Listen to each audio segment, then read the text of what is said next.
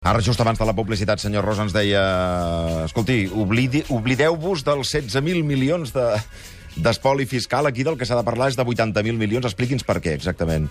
Sí, aviam, eh, hi ha varis estudis, i un d'ells Núria Bosch i Marta Espasa. Hi ha un estudi, jo penso, eh, molt rellevant eh, que va fer el propi Departament d'Economia l'any passat, uh -huh. d'Economia de la Generalitat, i després hi ha un petit estudi fet per mi, però que, que només ha corregut per les xarxes.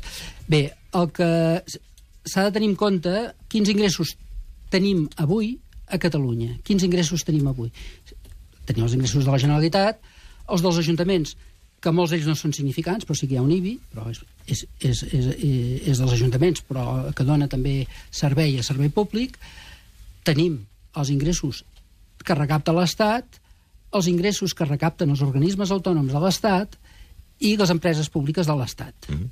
Val, si sumem tot això, dona uns 78.000 milions, i jo arrodoneixo sempre 80. 80. De la mateixa manera que no són mai 16.000 milions i tots diem 16.000 milions perquè són més o menys. Això és el que generem tots els catalans, diguéssim. Això és el que generem. Mm. Generem 80.000 milions cada any. Però aquí hi ha les tarifes de Renfe. De, que es recapten a Catalunya. A Catalunya. Efectivament, sí. Per tant, tot, tot, lo, lo comido por lo servido, en sí, aquest cas. No, no, però és que la contrapartida també ho calculem i llavors hi ha 76.000 milions de totes les despeses, de tots els serveis que es paguen a Catalunya.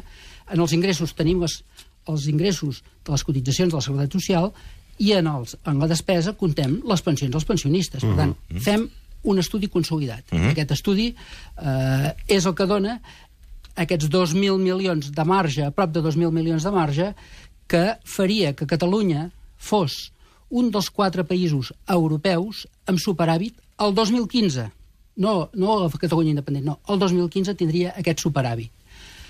Eh, qui més el tindria? Noruega, Alemanya, Suïssa. I Catalunya seria el quart. Si avui computéssim tot això. Per tant, jo dic, oblidem-se, perquè a vegades entrem en unes discussions si això és més o és menys, després ve el senyor Ángel de la Fuente i ens porta un estudi que diu no, són 16.000, són 8.500. Bueno, és que els 8.500 donarien per recuperar totes les retallades que ha fet la Generalitat, donaria per recuperar això, i a més no tindria dèficit. Ja, amb els 8.500. Però jo aquesta discussió penso que és molt clara i en canvi el que és evident és que penso que tots plegats hem de pensar allò diu, oh, és que un... això ara em sembla que la senyora Galdona ens deia alguna setmana, no, és que Catalunya una economia petita tal, ja, és una economia autosuficient, que això és, això és important, que des d'un punt de vista pressupostari aguantaria, i per què aguantaria? Perquè sota té una de les economies més potents regionals d'Europa. Ah, és a dir, que ara mateix seria un dels quatre països europeus, diu, um, que super... tindrien superàvit, eh, juntament amb Alemanya, Suïssa i, i Noruega. I un superàvit que seria de l'1% del PIB? Un 1% aproximadament. 1% aproximadament sí. del, sí, entre, entre del PIB. Entre 1 i 2.000 milions. Mm.